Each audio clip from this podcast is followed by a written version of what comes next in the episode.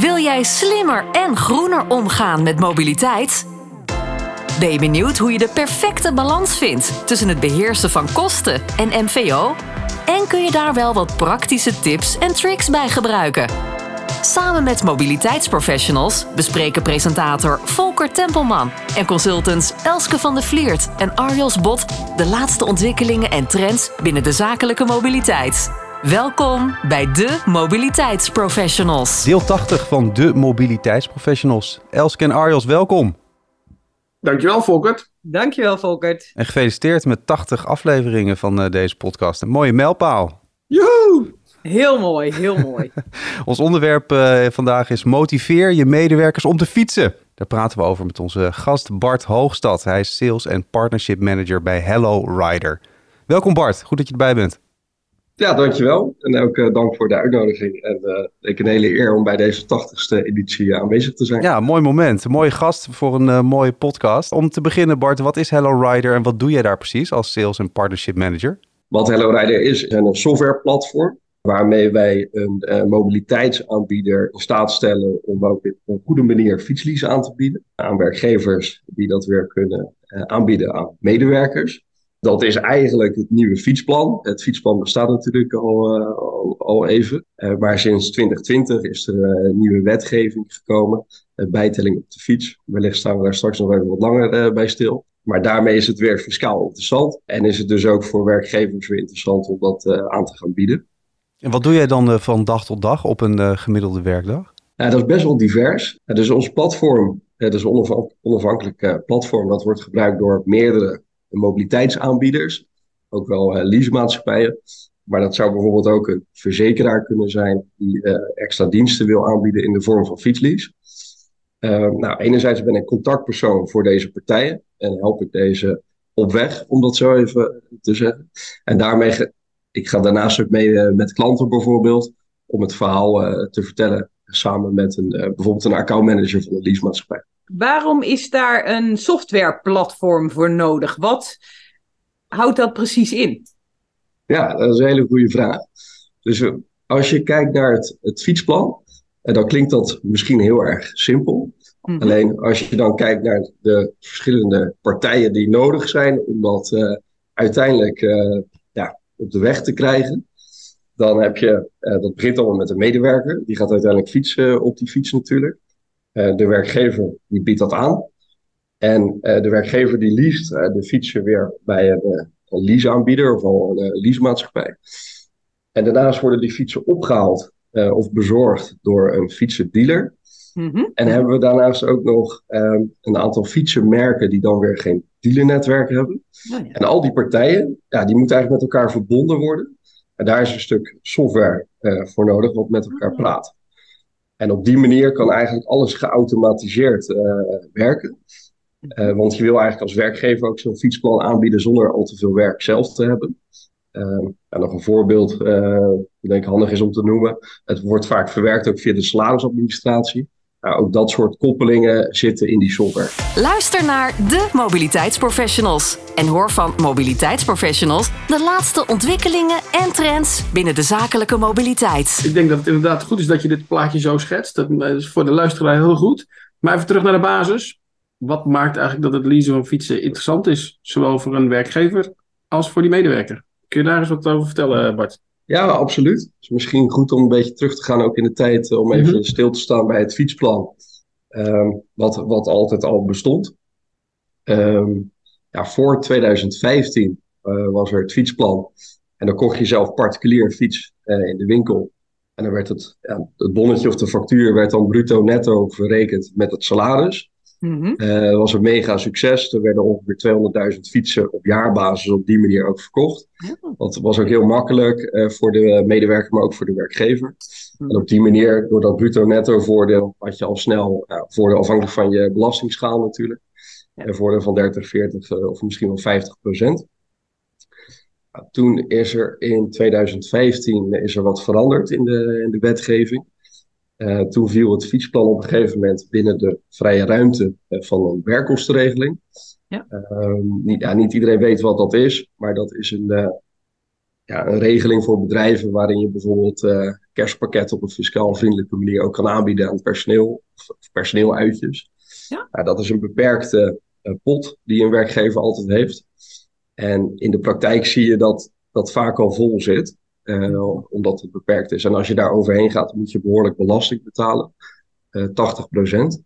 Nou, om die reden was het voor heel veel bedrijven eigenlijk niet meer interessant om dat fietsplan aan te bieden. Dus ja, was dat eigenlijk een beetje een stille dood uh, gestorven. Sommige bedrijven deden het nog wel, maar dan ja, zonder succes. Want het was dan met een grens op, op de fietsprijs. Of mocht je één keer in de vijf jaar bijvoorbeeld maar een fiets. Nou, dat wilde de overheid ook oplossen. Um, toen is de bijtelling op de fiets er gekomen. En daarmee wordt het privégebruik eh, belast. En dat uh, geldt voor een ter beschikking gestelde fiets door de werkgever aan de medewerker. En um, om die reden valt het weer buiten die vrije ruimte van de werkverzekering. En daarmee ook weer fiscaal interessant. Nou, nu is het zo dat uh, die leaseprijs die de werkgever betaalt, die mag ook uh, worden betaald door de medewerker vanuit het bruto loon. En dan heb je eigenlijk weer datzelfde bruto-netto voordeel uh, als dat je had via de oude fietsenregeling, het oude fietsplan. En niet alleen dan over de fietsprijs, maar over de volledige leaseprijs. En binnen die leaseprijs, een beetje technisch verhaal natuurlijk, maar uh, daar zitten ook de diensten in. Dus reparatie eh, van de fiets, het onderhoud van de fiets, je banden worden vervangen. Uh, er zit een all-risk bij. Uh, als je strand onderweg met een lekke band of een defect aan je motor, dan word je geholpen en gerepatrieerd door de ANWB. want die brengt de fiets dan weer naar de dealer of repareert hem ter plekke. Mm -hmm. Ja, dus het is voor de werkgever interessant, omdat het uh, kostenneutraal kan en ze mooie secundaire arbeidsvoorwaarden kunnen aanbieden naast een stukje mobiliteit. Het is natuurlijk ook een vervanger van, uh, van de auto. Mm -hmm. En voor de medewerker ja, kan je gewoon op een fiscaal vriendelijke manier weer een fiets uh, leasen, die je daarna ook weer gunstig kan overnemen. En als ik dan die leasekosten zelf betaal, moet ik dan ook nog wel bijtelling betalen of dan niet meer?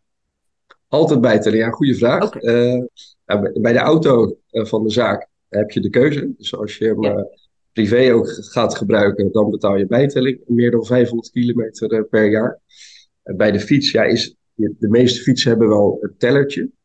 maar is dat allemaal wat moeilijker te controleren natuurlijk. Dus daar heeft de Belastingdienst gezegd, de bijtelling geldt altijd. Ja, maar als ik toch uit mijn bruto salaris daarvoor betaal in hoeverre is die dan nog ter beschikking gesteld? Of welk deel betaal ik misschien vanuit? Mag ik juist die bijtelling vanuit mijn bruto betalen? Dat is mij even niet duidelijk. Aha, nou ja, de, de leaseprijs, die mag je vanuit het bruto loon uh, betalen. Oké, ja. En de bijtelling wordt eigenlijk weer opgeteld uh, bovenop je bruto loon, fictief. Daarover betaal je dus uh, iets extra inkomstenbelasting. Dus dat is, dat is een maar ondanks dat dus die, die leaseprijs uit je bruto loon gaat, dus het is en-en. Hij komt en uit je salaris, uit je bruto loon, en je betaalt nog bijtelling. Helaas zou ik bijna zeggen, maar uh, zo is het wel volgens mij. Ja, als je hem helemaal uitrekent, dan ben je uh, al wel al snel 40% voordeliger uit. Okay. Ja. Dan dat je een fiets zou kopen in de winkel. Door dat bruto-netto voordeel. Dus dat is denk ik wel goed om uh, in perspectief te zetten. En je kunt als werkgever natuurlijk altijd gewoon wel zelf helemaal de prijs betalen. Hè? Dat mag. uh, ja, steeds meer bedrijven doen dat ook. Ja. Uh, het, het, draagt natuurlijk bij aan allerlei uh, zaken voor die werkgever. Dus er is een tekort aan personeel. dus iedereen is op zoek naar mensen. En we vinden het ook steeds moeilijker om mensen vast te houden. Dit is daar gewoon een hele mooie tool voor. Uh, verder draagt het bij natuurlijk aan vitaliteitsdoelstellingen, duurzaamheidsdoelstellingen. Je kan het dus op een kostenneutrale manier aanbieden. Dan betaalt de medewerker zelf vanuit het bruto loon. Ja. bijkomend voordeel is, de werkgever bespaart dan ook op sociale lasten door die da daling ja. van het bruto loon. Dat wordt vaak weer teruggegeven aan de medewerker, zodat het nog voordeliger wordt. En in 2022 hebben we al gezien dat meer dan de helft van de bedrijven um, 50 euro hebben bijgedragen van die leaseprijs. Dus dat is ja, gemiddeld bijna de helft. Dus dat is wel een hele mooie ontwikkeling. Dat is per maand toch, die 50 euro dan? Ja, ja. zeker. De mobiliteitsprofessionals. Jongens, het valt me op eh, dat eh, zowel Elske als Arjos hier heel erg door getriggerd worden. Dat vind ik heel mooi om te zien. Elske, waarom is dat? Waarom vind je dit zo interessant? Nou, omdat de fiets, zeg maar, voor zoveel werkgevers eh, een goede oplossing is om en, zeg maar, te verduurzamen en hun medewerkers meer vitaal te laten zijn.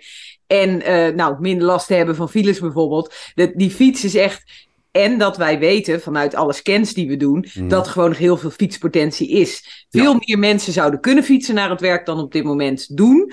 Ehm, en hun kinderen op de fiets naar school brengen. Zouden ook veel meer mensen kunnen doen dan ze op dit moment doen. Mhm. Dus het is zonde als we niet van die potentie gebruik maken. Precies. En volgens mij kan het zelfs nog zo aantrekkelijk gemaakt worden, maar correct me if I'm wrong, eh, Bart, dat die bijtelling, als er ruimte is in de WKR, ook nog door de werkgever betaald kan worden. In tegenstelling tot trouwens hoe dat bij een lease auto zit, want daar moet je toch echt zelf betalen. Maar hier is de mogelijkheid er volgens mij dat je werkgever ook die bijtelling betaalt. Klopt dat, Bart? Klopt helemaal, eh, Arjos. Ja. En zie je, zie je dat ook gebeuren, of is dit iets wat wel theoretisch bestaat, maar in de praktijk niet gebeurt? Kun je daar iets over zeggen? ja, absoluut. Het gebeurt niet heel vaak, maar een enkele keer. Dus Ja. de bedrijven die nog ruimte hebben binnen die Ja. werkkostenregeling en die echt maximaal die eh, fiets willen stimuleren, die, eh, Ja. die doen dat zeker. Ja. Wat nog een ander puntje is, aanvullend eh eigenlijk hierop, is als je dus ook nog ruimte hebt binnen die werkkostenregeling en je wil de fiets laten overnemen door de medewerker, dan zou je dat ook nog zelfs, dat zien we bijna nooit, maar dan zou je dat ook nog via de WKR kunnen laten lopen. Oké. Dan wordt Ah het ja, het is-. Het is ook allemaal betrekkelijk nieuw, dus misschien zie je het nog niet. Hè? Dat zou kunnen. Ik had wel nog een praktische vraag over de app. Want eh, dan, ben ik, eh, dan heb ik eh, van mijn werkgever een leaseauto en een leasefiets. Hè? Kan maar zo. Ja. Dat stellen wij ook vaak voor. Want doe je iets minder leasebedrag voor de auto... en dan kan er heel goed de leasefiets naast. Super idee. Ja. Krijg ik dan ook te maken met twee apps? Eén voor mijn leaseauto en één voor mijn leasefiets? Altijd, per se? Dat is weer ja, dat is afhankelijk van de mobiliteitsaanbieder. Ja? Vaak is dat wel geïntegreerd. Dus het is inderdaad zie je in de markt dat eh, ja, bedrijven mobiliteitsbudgetten aanbieden. eh, waar je dan een auto van kan leasen. Eh, mocht je daar dan ruimte nog in hebben, dus stel je voor dat je geen open dak neemt. eh, of wat minder grote wielen en je hebt nog wat ruimte over. eh, dan heb je een stukje over voor de fiets. Dan neem je hele grote wielen. Wel een 29 inch eh, wielen, ja. Dus, eh, dus dat zien we nog wel eens gebeuren. Eh, in de markt zien we wel dat natuurlijk, ja, de autoprijzen zijn ook wat gestegen. Ja. Eh, waardoor de leaseprijzen ook gestegen zijn. De budgetten zijn niet altijd helemaal in die zin meegestegen. Ja. Wat er dan in de praktijk gebeurt, is dat je dan, ja, als je over dat budget heen gaat, dat het dan vervolgens uit je bruto loon wordt betaald. En dan heb je ook weer dat fiscale voordeel. Om daar nog even op door te spreken. Want er zijn dus hele interessante mogelijkheden als voor de werkgever en ook voor de werknemer. Om die fiets, een mooie fiets ter beschikking te stellen. Ehm, maar ja, dan heb je die fiets. Maar er is dus een risico dat die fiets eh, stof staat te vangen in een schuurtje. Of alleen Ja. privé gebruikt wordt. Nou, hè, is- heb je ook Ja. tips over hoe onze luisteraars, werkgevers kunnen omgaan, zodat die, die fiets ook gestimuleerd wordt, dat die fiets ook daadwerkelijk gebruikt wordt, zeg maar, voor woon-werkverkeer? Ja, ik denk eh, ook een hele belangrijke vraag, eh, wat veel speelt bij werkgevers. Eh, ja, de medewerker is sowieso al blij met die fiets. hè, want die, dat, daar heeft hij gewoon een fiscaal voordeel en dat is voordeliger dan de fiets kopen. Maar ja, uiteindelijk wil die werkgever natuurlijk ook dat de mensen gaan fietsen. Want dat draagt dan weer bij aan die vitaliteit en duurzaamheidsdoelstellingen. Ja. Er is een wet in Nederland dat als je met je leasefiets naar je werk gaat, dan heb je geen recht op een onbelaste reiskostenvergoeding. Dus dat is niet een ideale eh, regel. Daar zijn wel hele mooie oplossingen voor. Eh, dus je zou dan bruto reiskostenvergoeding eh, kunnen geven. Wat een trend is nu, wat we zien bij werkgevers, is dat ze in plaats van de tegenwoordig 21 cent, dan bijvoorbeeld 30 of 35 cent bruto per kilometer geven voor de fiets. Dus dan heb je gewoon een hele harde trigger financieel om te gaan fietsen. Ja. Daar zien we ook nog wel eens staffels in. Dus ja, stel je voor dat je één dag gaat fietsen, dan ontvang je X. Maar als je dan drie dagen gaat fietsen, dan heb je X plus eh, en een beetje. Zodat, daar, eh, ja, zodat je gewoon meer gestimuleerd wordt hoe meer je gaat fietsen. Dus dat, is een, eh, dat zien we steeds vaker terugkomen en adviseren we ook zeker. Ehm, ja, daarnaast is gamification wel iets wat opspeelt. Ja. Dus dan maak je er echt een spel van. Bijvoorbeeld een competitie tussen de medewerkers. Bedrijven met meerdere vestigingen die dan onderling per vestiging gaan een spel gaan spelen. En dan zie je gewoon ook hele leuke resultaten. Wil jij slimmer en groener omgaan met mobiliteit? Luister dan naar de mobiliteitsprofessionals en ontdek de laatste ontwikkelingen en trends binnen de zakelijke mobiliteit. Kom nog even terug op wat je zei, want dat hoor ik heel vaak. Hè, van nou ja, als je dan die leasefiets hebt, dan mag je geen uh, reiskostenvergoeding meer uh, verstrekken. Of in ieder geval, hè, dan, dan hebben we dat niet fiscaal vriendelijk geregeld. Kijk, als je een lease auto krijgt, dan krijg je ook geen kilometervergoeding. Want je krijgt al een hele auto van je baas. En nu krijg je een hele fiets van je baas. Uh, of hè, niet als je het met de bruto-netto-regeling doet. Maar als die fiets helemaal betaald wordt door de baas. dan vind ik ook dat de baas niet ook nog kilometervergoeding hoeft te geven hoor. Dus uh, dat even.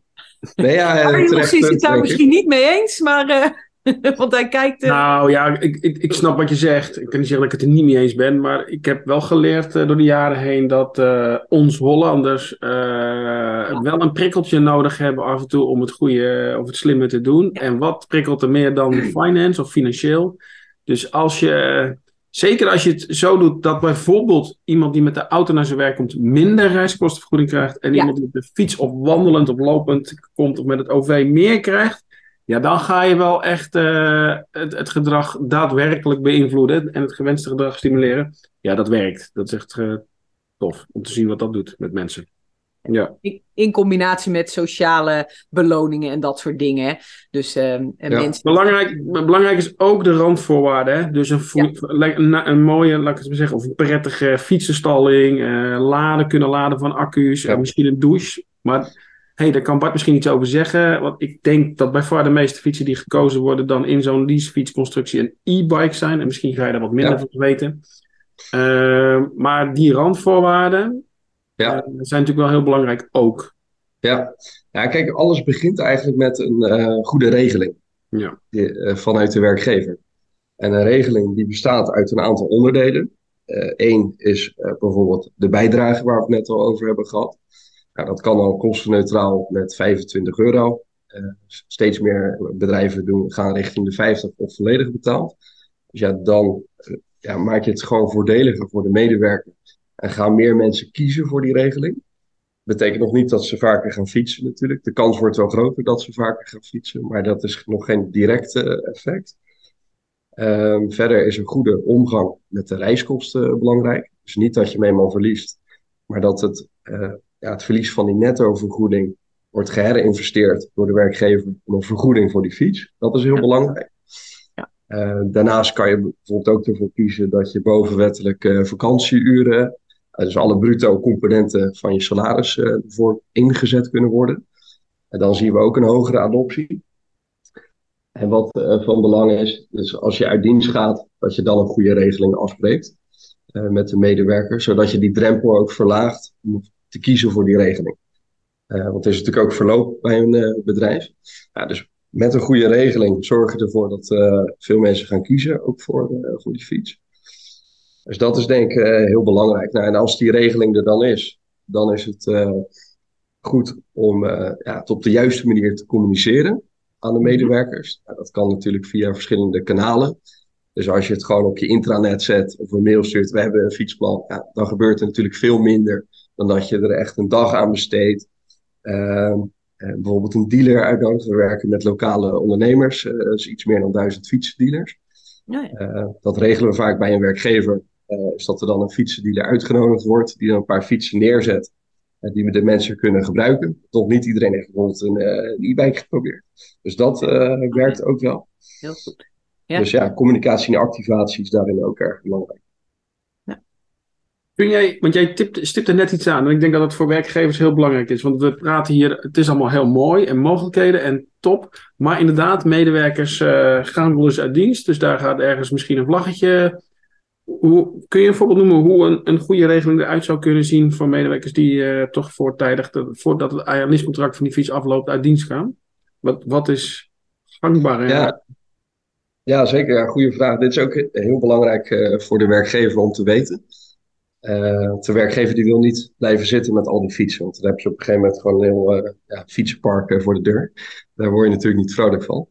Dus ja, en daarnaast is die fiets ook heel persoonlijk. Dus waar je bij een auto je stoel naar voren zet of naar achter als je een grotere of kleinere berijder bent, dan moet je bij een fiets gewoon een ander frame hebben. Dus je kan niet zomaar die fietsen wisselen onderling. Uh, en daarnaast heb je natuurlijk verschillende typen fietsen. Uh, de racefiets, de bakfiets. Nou ja, dus oftewel, je vindt niet zomaar een andere collega die hem overneemt. Ja. Is wel een mogelijkheid. Dat zou heel mooi zijn natuurlijk. Uh, dan is je ook iedereen blij.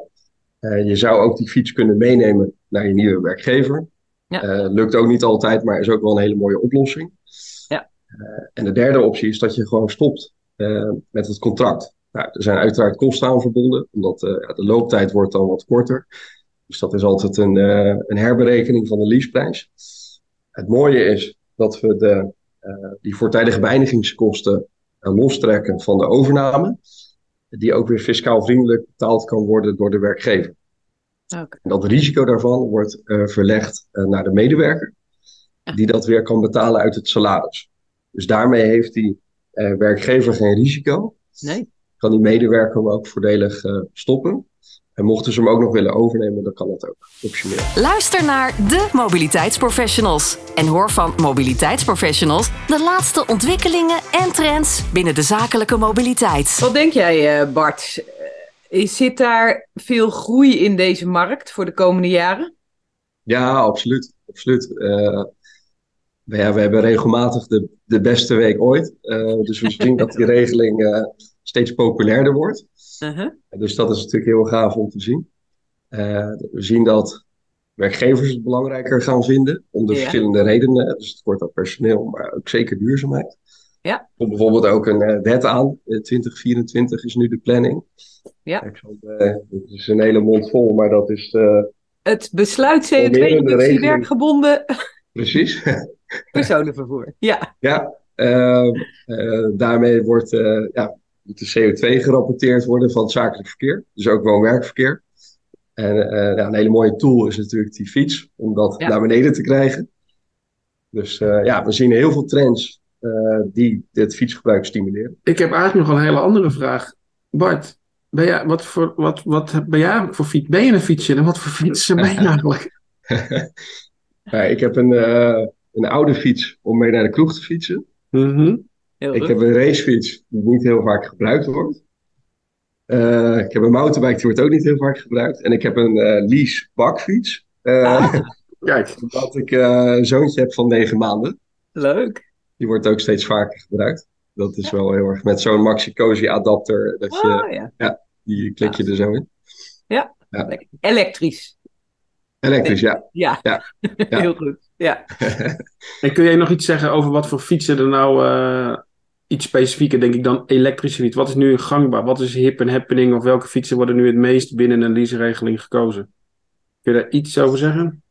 Ja, zeker. Dus in de basis zien we, kijk, in de fietsmarkt zie je dat 60% een e-bike is tegenwoordig. Mm -hmm. Als je dat weer toespitst naar de leasemarkt, dan zie je dat bij ons ja, 85% ja. tot 90% ongeveer een e-bike is. Zo. Ja. Dat is wel echt veruit uh, het grootste gedeelte. Ja. En dan is er nog een gedeelte uh, sportief. Dus dat is de racefiets en de mountainbike. Oh ja. Een gedeelte uh, nog een bakfiets. Nee. Wat echt groeiende ook is. Uh, de stadsfietsen bestaan natuurlijk ook nog steeds. en ook enkele vouwfietsen hebben we zelfs rondrijden. Oh, ja. En de speed pedelec? Oh, die vergeet ik helemaal te noemen. Goed dat je het zegt. Ja. Dat is ook een, een gedeelte daarvan. Ja, dat is een paar procent. En jullie zijn merk onafhankelijk hè, qua fiets. Ik uh, kan elke fietsmerk kiezen in principe. Zeker, en daar, daar geloven we ook in. Uh, dus ja, de beste regeling vinden wij waarbij de medewerker gewoon zelf kan uh, beslissen wat voor fiets die je wil. Uh, wat het beste bij hem of haar past. Dus we hebben een aanbod waarin iets meer dan 100 merken staan. Dus wel de A-merken, dus niet alle ja, Chinese merken die misschien recent op de markt zijn gekomen. Dus dan kan je zelf gewoon het merk kiezen, type fiets. ja, daar geloven we in. Ja. En hebben jullie dan ook nog iets zeg maar, op voorraad? Ik weet niet of dat nu nog actueel is, maar ik kan me nog herinneren dat er niet zo heel lang geleden er met fietsen, auto's, eigenlijk met alles, uh, leveringsproblemen waren. Hebben jullie een soort van gegarandeerde levering of hebben jullie daar iets voor of hoe werkt dat? Een hele goede vraag inderdaad. Dus er waren zeker tekorten. Uh, door verschillende redenen natuurlijk ook. Mm de vraag was gestegen. en door corona waren er wat aanleverproblemen, zo aanbodproblemen. Mm Daarnaast lag er nog een schip uh, dwars in het Suezkanaal. Dat hielp ook uh, allemaal niet mee. Dus ja, er waren tekorten, zeker op een aantal uh, modellen. op sommige modellen had je zelfs een levertijd van een jaar. Dat was op een gegeven moment helemaal niet meer gek. Maar wij werken met de voorraden van de dealers. Oh dus dat zijn er inmiddels meer dan duizend. En die hebben allemaal een eigen voorraad. Dus op de winkelvloer of in het magazijn maar ook een toekomstige voorraad, wat ze zelf al besteld hebben bij de fabrikant. Ja. Dus dat, dat helpt. Dus als het bij de ene dealer op voorraad is, dan heeft de andere dealer het wel.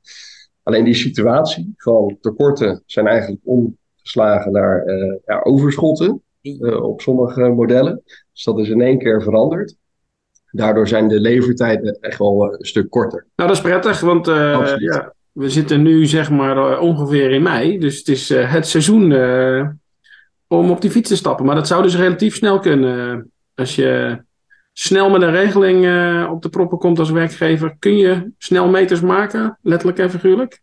Absoluut. Ja, het record staat nu op uh, binnen 12 uur. Ja. Wauw. Oké. Dat is, uh, ja, heel goed. Dus dan heb je, ja, s ochtends hadden we dan het gesprek met de werkgever. Nou, dan moet natuurlijk ook nog een overeenkomst worden ja, getekend in de tussentijd een regeling opgetuigd, live gegaan, gecommuniceerd. Uh, je krijgt dan een pincode vanuit je werkgever uh, als medewerker. En daarmee kan je de fiets gaan bestellen online of bij de dealer. Ja. Ja, ja en als dat allemaal snel wordt goedgekeurd door de werkgever, uh, ja. ja. dan kan je ook snel fietsen. En hij moet natuurlijk klaar worden gemaakt ondertussen door, die, door de fietsendealer. Wat goed zeg. Ja. nou, 12 uur is inderdaad wel echt uh, een, uh, een record. Mooi man, mooi om te horen. Luister naar de mobiliteitsprofessionals. En hoor van mobiliteitsprofessionals de laatste ontwikkelingen en trends binnen de zakelijke mobiliteit. Tot slot, uh, Bart, we lopen tegen het eind van de podcast. welke tips heb je nog voor onze luisteraars als je hier goed mee aan de slag wil en verder wil? Pak wat vaker de fiets. Beetje cliché, maar als je, wat ik met name heb ervaren, dus als je stopt met werken, dus aan het eind van de dag en je gaat met de auto naar werk, dan ben je vaak nog een beetje aan het bellen in de auto en vaak ook wel zakelijk. Dus ben je eigenlijk nog steeds aan het werk. Als je op de fiets stapt na je werkdag, dan begint eigenlijk al je vrije tijd. Naast dat je ook lekker buiten in het zonnetje fietst natuurlijk. En dat is wel echt een groot verschil. Dus je werkt dan minder en je hebt dan meer vrije tijd. Mooi. Mooie afsluiter. Want dit was hem, eh, jongens. Deel 80. Een mijlpaal uh, van de mobiliteitsprofessionals. Te gast was Bart Hoogstad, Sales en Partnership Manager bij Hello Rider. Bart, dankjewel. Ja, ook bedankt. Leuk om te doen. We blijven graag met jullie uh, allemaal in contact. Laat dus uh, vooral van je horen. Bijvoorbeeld op LinkedIn. Tag ons in je bericht. Bart, ben jij ook uh, te taggen of te mailen als mensen meer info willen van jou? Ja, ik ben te vinden op LinkedIn. Bart Hoogstad, Hello Rider. En dan, dan vind je mij wel, denk ik. Ja, precies. Dat moet goed komen. Elske, jij ook? waar ben jij ook weer te bereiken? Ja, ik ben zeker te vinden op LinkedIn. En ik ben natuurlijk te mailen op van de vliert apenstaatje zero-e.nl. Arjos, wat wil jij eigenlijk onze luisteraars nog meegeven in deze tachtigste podcast, uh, zo bij de afsluiting?